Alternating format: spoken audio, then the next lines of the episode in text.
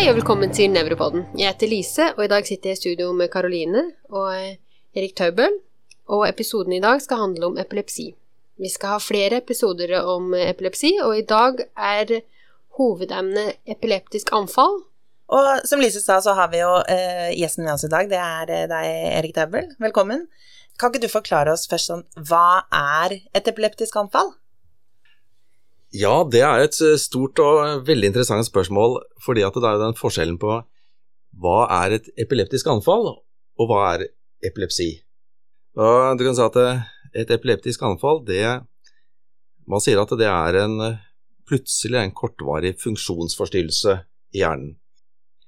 Og det som ligger i det, er egentlig at du får en unormal elektrisk aktivitet i en liten gruppe celler og eh, gjerne en lite nettverk av celler. Og Så kan det spre seg utover til et større eller mindre område. Og så får man jo da enten et fokalt anfall, som vi skal snakke om, eller et eh, krampeanfall. da. Og dette Men, nettverket ja. av celler, det er eh, ofte da lokalisert i forskjellige deler ja. av hjernen? Ja, og det er da et nettverk som er funksjonelt litt forstyrret fra før av. Sånn at eh, når det kommer på et eller annet stress, eller et eller annet skjer, så blir det en slags kortslutning. Og som noen sa, det, et epileptisk anfall det er et, uh, som et lynnedslag i hjernen. Og det er egentlig ganske godt uh, sagt, fordi at det er en plutselig forstyrrelse i den elektriske aktiviteten som varer ganske kortvarig, og så gir det seg. Og så er jo denne her, eh, Det som er så spesielt med epilepsi, det er at noen sier jo faktisk at epilepsi er jo ingen sykdom. Oh, ja. fordi, at, eh, ja, fordi at epilepsi er et symptom. Det er på en måte et symptom på nesten alt som kan gå gærent i hjernen, som kan gi en funksjonsforstyrrelse. Og Det kan vi komme litt inn på når vi kommer til dette med syndromer og, og sånne ting. Men så kan du si at man kan ha et enkeltstående epileptisk anfall. Men det betyr jo ikke at man har epilepsi. Og det er ikke så lett å forstå alltid, fordi et epileptisk anfall det kan man få hvis man blir presset langt nok. Så du kan, du kan egentlig ja. få ett epileptisk anfall i løpet av et helt liv, og det er det ene anfallet du får, og aldri igjen? Det er helt riktig. Og så ser vi det f.eks. La oss si at man jobber på, en, eh, på, et sykehus, og så blir man tilkalt til eh, medisinsk avdeling. Kommer til en pasient med svær hypokalsemi, f.eks eller en med en svær leversvikt, eller noe annet, eh, en infeksjonstilstand. Så disse pasientene de kan da være under en så skal vi si, stressituasjon at de får et epileptisk anfall. Som en reaksjon på det? Ja. Mm. Man har sett det i andre ytre situasjoner også, f.eks. I, i krigssituasjoner. Første verdenskrig så, så man f.eks. det at folk i skyttergraver under veldig ekstrem stresspåkjenning kunne få et anfall. Oh, ja. Og det betyr ikke at de nødvendigvis har epilepsi, men de er på en måte blitt presset over sin anfallsterskel. Så sier vi at hvis årsaken til dette sitter i hodet, da er det epilepsi. Sånn at uh, disse ytre faktorene med ekstremt stress eller en eller annen svær sykdom, det kan forstyrre denne balansen mellom det som aktiverer og det som hemmer i hjernen, og da blir det et anfall. Er det det man kaller leilighetsanfall, da, hvis det er ytre påvirkninger? Eller det for det begrepet leilighetsanfall? Ja, det er et veldig interessant eh, begrep, fordi at eh, du kan si det at eh, det å få gjentatte epileptiske anfall såkalt uprovosert, det er epilepsi. Men hva er uprovosert, og hvor mye skal man tåle? Og så sa jeg om disse her f.eks. i skyttergravene under ekstremsituasjoner som kan få anfall. Og vi er jo alle utsatt for stress, og vi skal jo på en måte tåle hverdagens påkjenninger også. Så det blir en slags sånn eh, diskusjon, da. Hvor langt skal dette gå? Og vi hører det ofte på poliklinikken, for at pasienter kommer og sier det at eh, nei, jeg fikk et anfall eh, nå, og det var helt uh, bare fordi jeg hadde sovet lite og hadde eksamensstress og sånn. Så nå som eksamen er over, så er alt i orden, sånn at nå kan jeg selvfølgelig få førerkortet tilbake. For dette var et leilighetsanfall, det har de lest om. Men er det ikke også sånn at de som, de som da har eh, fått påvist at de har epilepsi, mm. de, visse stressituasjoner, for de kan jo også provosere frem et anfall. Absolutt. Og det er dette som er det vanskelige. Altså Vi har på den ene side dette vi snakket om, å ha epileptiske anfall av en helt annen årsak, eh, som er til grunnliggende. Og på den andre side det å ha epilepsi med gjentatte anfall.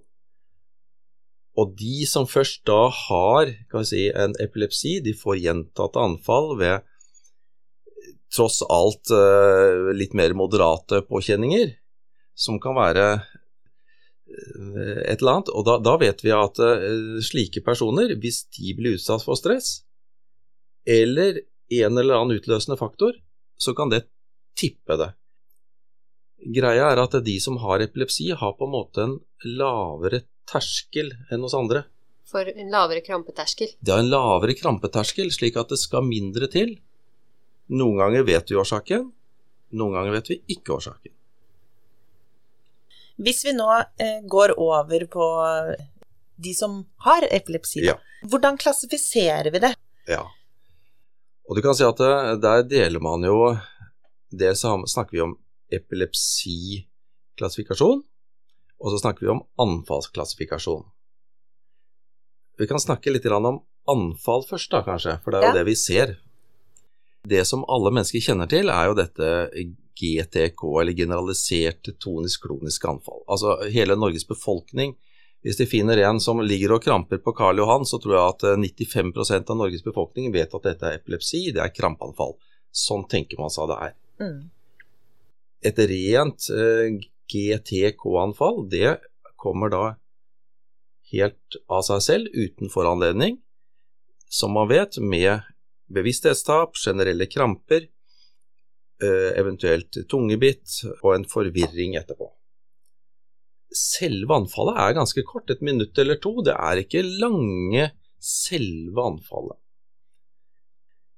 Hvis vi snakker om andre generaliserte anfall, så er det altså GTK-ene først. Og så det neste, det er jo disse som heter absanser. De regnes også ut som generaliserte anfall. Og det er jo disse helt korte episodene, bare av noen få sekunders varighet, som vi ofte ser hos barn. Ofte sånn som det har vært beskrevet for meg av, eller til meg av pasienter, kan være sånn at de nesten soner ut. Kan plutselig ja, falle ut av en samtale eller eh, stirre på veggen eller Disse type tingene er det som de ofte beskriver, da. Det er ofte det at de glipper ut av samtalen, på en måte, Mm. og mister tråden. Og Og ofte uten at de egentlig merker Altså, de merker jo ikke det selv, eller det er en sånn gjentagende ting som pårørende ofte ser, da. ja, de kan ha 100 sånne på dagen. Mm. Og det er jo ofte barn, de tenker ikke så mye på det. Men problemet er at de mister jo på en måte konsentrasjonen. At De blir lagt merke mister til på sammenhengene. skolen, da, kanskje. Riktig. Og da er det to steder. Det er på skolen. Og man kan selv tenke seg en stakkars lærer med 30 barn foran seg, og så er det en som plutselig er lite grann sånn borte noen sekunder her og der.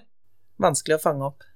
Kjempevanskelig. Og bare tenk deg en familie, tre unger som skriker rundt middagsbordet. Altså, og nå var han litt borte. Han var borte i to sekunder der og fem sekunder der.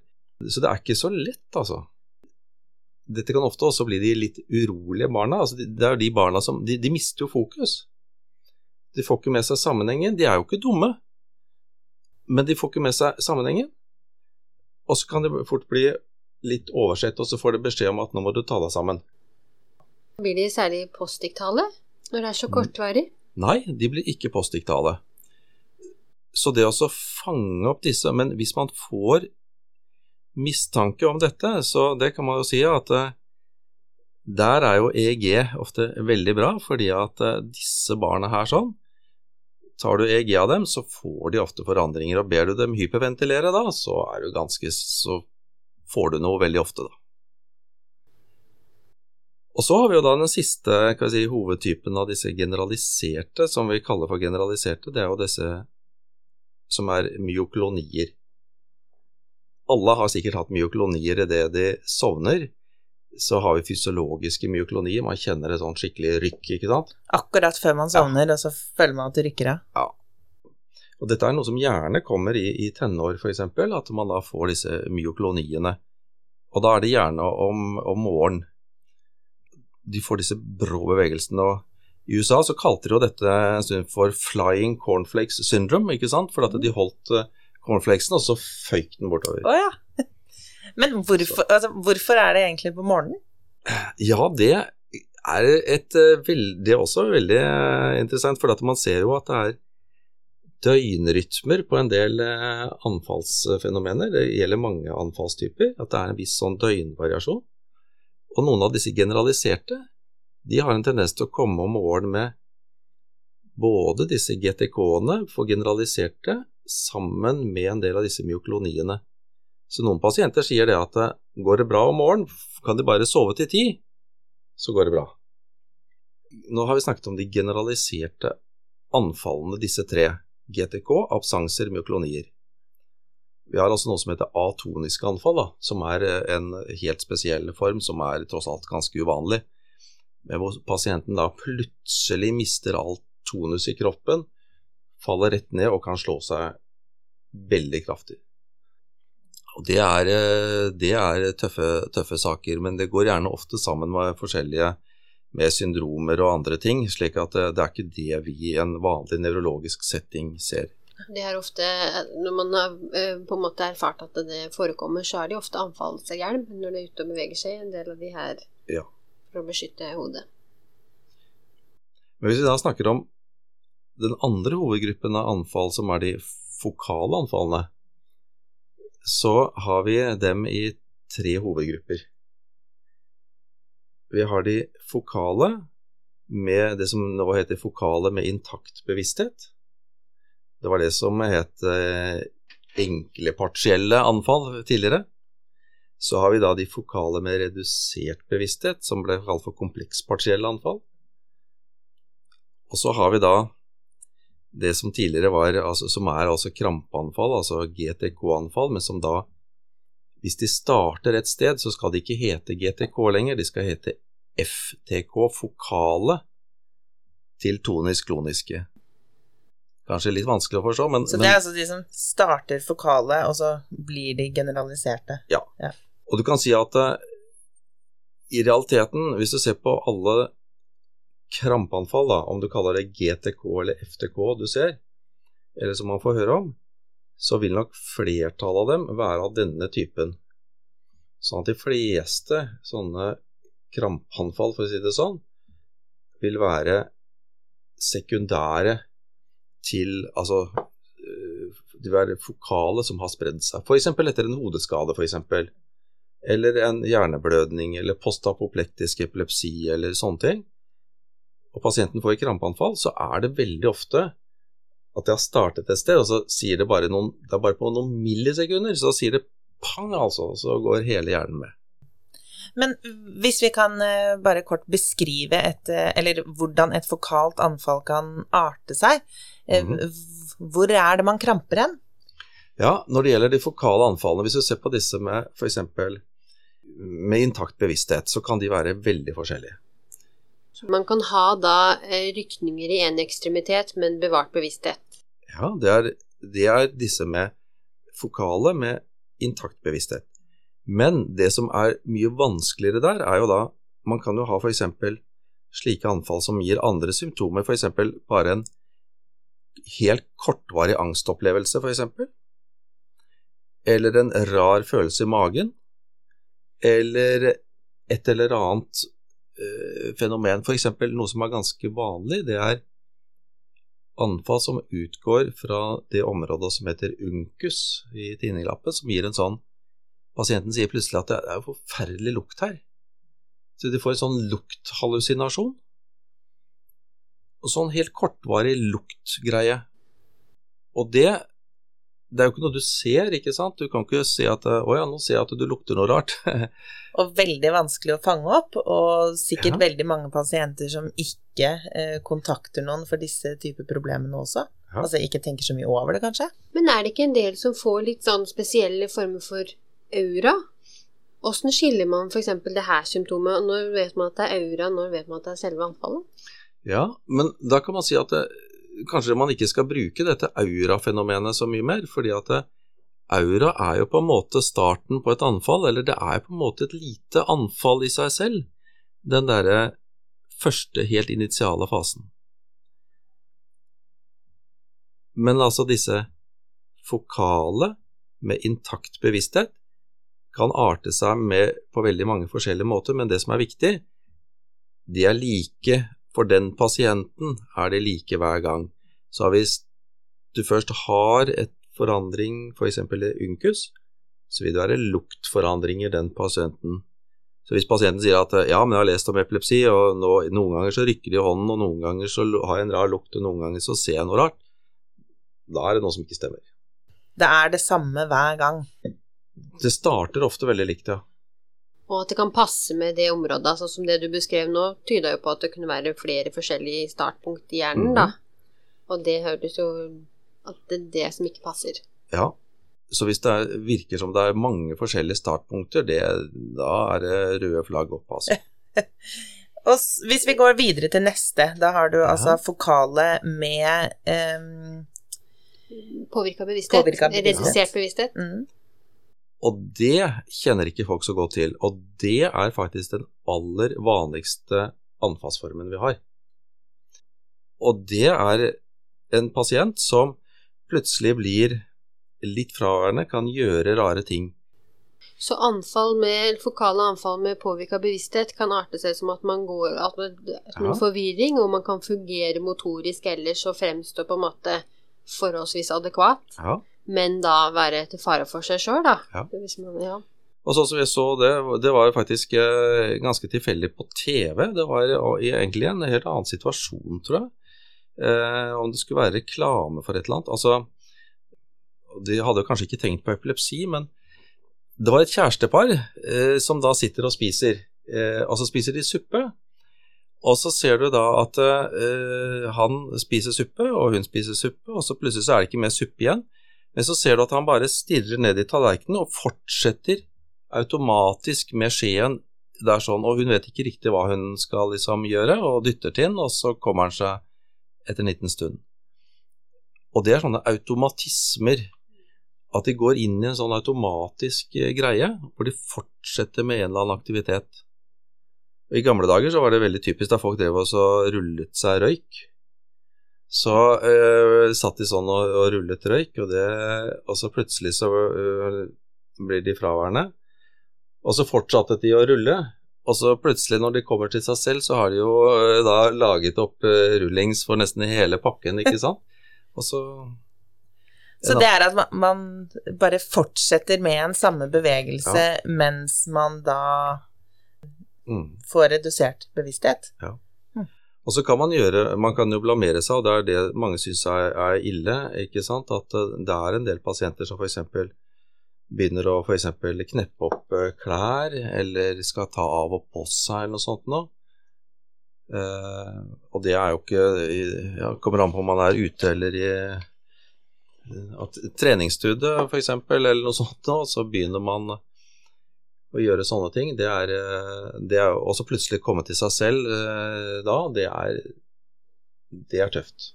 Men når man er så påvirka bevissthetsmessig, hvorfor er, Da tenker man da at det er et eller annet fokusert aktivitet i hjernen som påvirker bevissthet, da, i motsetning til generalisert hvor hele hvor begge hemisfærer er affisert. Mhm. Er det derfor? For ellers er det på en måte Det fremstår jo ganske sånn generalisert da, når man får en såpass endring av bevissthet, men er det det de går på?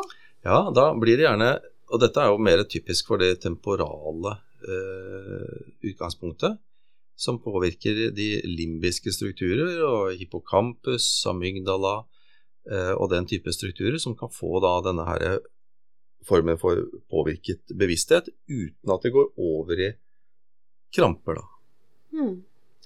Så kanskje vi kan gå litt gjennom det, for nå har vi gått gjennom klassifikasjonen. Vi har Mm. generaliserte anfall, og så fokale anfall med, og, med bevart bevissthet og uten eller redusert bevissthet. Og eventuelt at de fokale kan gå direkte over i krampeanfall. At det blir en FTK. Ja. Ja. Og da kan vi ikke gå litt mer Kan vi systematisere litt? Altså, eh, du, når du beskrev flere former for anfall, men er, kan vi på en måte Kan anfallsutformingen, semiologien, si oss noe da om hvor eventuelt lesjonen sitter? Kan vi gå litt gjennom det? Ja, og du snakket jo om dette med eh, fokale anfall eh, spesielt, og, og dette med temporale utgangspunkt. Og da er det jo ganske typisk eh, dette vi snakket om med, med bevissthet, og dette med automatismer. Og mange av disse med temporale utgangspunkt, de har jo denne gjerne sånn epigastrisk følelse som det starter med, at det starter med en sånn rar følelse nedi magen som på en måte stiger oppover, da. Og så blir de fjerne, og så får de automatismer. Eksempel dette her med den suppespisingen, eller du gjør ting, eller du begynner å kneppe knapper, eller et eller annet sånt noe. Så har vi de frontale. De frontale de kommer ofte veldig brått, er veldig, de kan være korte. De er litt oftere på natten, og de er ofte mye mer voldsomme, dramatiske, sparker og slår, og de kan være mye mer ja, rett og slett voldsommere fysisk, da. Og så er det plutselig over. Og de frontale de, Men du sa nå ja. at de var kortere. Hva, ja. hvilket, hva, slags tidsperspektiv snakker vi om? Da skal vi snakke ett minutt, og kanskje ikke det engang, egentlig. Men de kan være et, et minutt, og så kan de temporale være litt lenger.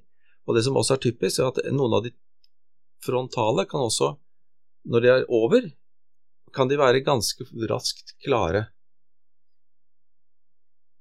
Det er et lite poeng, fordi at det skiller dem fra de temporale, men vi snakker også om ofte sånn psykogene non-epileptiske anfall. De kan også være ganske klare med en gang etterpå. Så her skal man være litt forsiktig før man sier at noe er psykogent. Hvordan skiller man f.eks. da et frontallapsanfall fra eh, parasomnier? Eh, man, ja, for det første så er det jo veldig viktig om man da kan klare å få til en EEG-registrering f.eks. av disse. Så vil du se det nokså umiddelbart. Og de har jo ofte et enda mye tydeligere, skal vi si, avgrenset, kortvarig anfallspreg, da. Det har de. De temporale, kan de ofte bli eh, postdiktale? Ja, de kan uh, føle seg veldig gufne og uvel etterpå. Så du har de frontale, som er de litt mer dramatiske, oftere på natten, øh, rask oppvåkning, mens du har de temporale, som har da øh, mer dette med automatismer, epigastisk aura, fraværenhet, gjør litt spesielle ting og sånne ting, da. Men nå har vi snakket om eh, frontallapsepilepsi, temporallapsepilepsi, og så hva med parietallappen? Ja, de er jo mer varierte, da. Det kan være sensoriske fenomener eh, og sånt noe.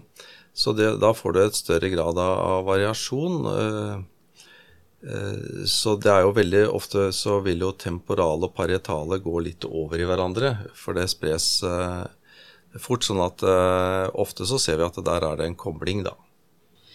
Andre steder i hjernen, hva med oksipital? Det er jo de temporale som er de definitivt vanligste. Sånn at det rene oksipitale anfall, det er jo også ikke så ofte. Men det blir jo da igjen dette her med syn, synsforstyrrelser, uh, sånne ting. Og så kommer det an på hvordan det igjen sprer seg, da. Kan du ha noen rare synsfenomener? Absolutt. Ja. Det kan man ha. Limbiske system, da? Eller insula? Mm.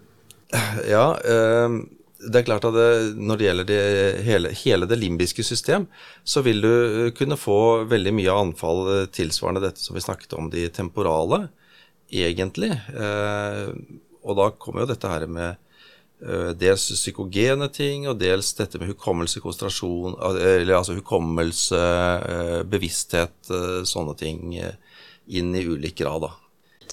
Kjempefint. Da føler jeg vi har fått svar på det vi hadde lyst til i dag, egentlig. Ja.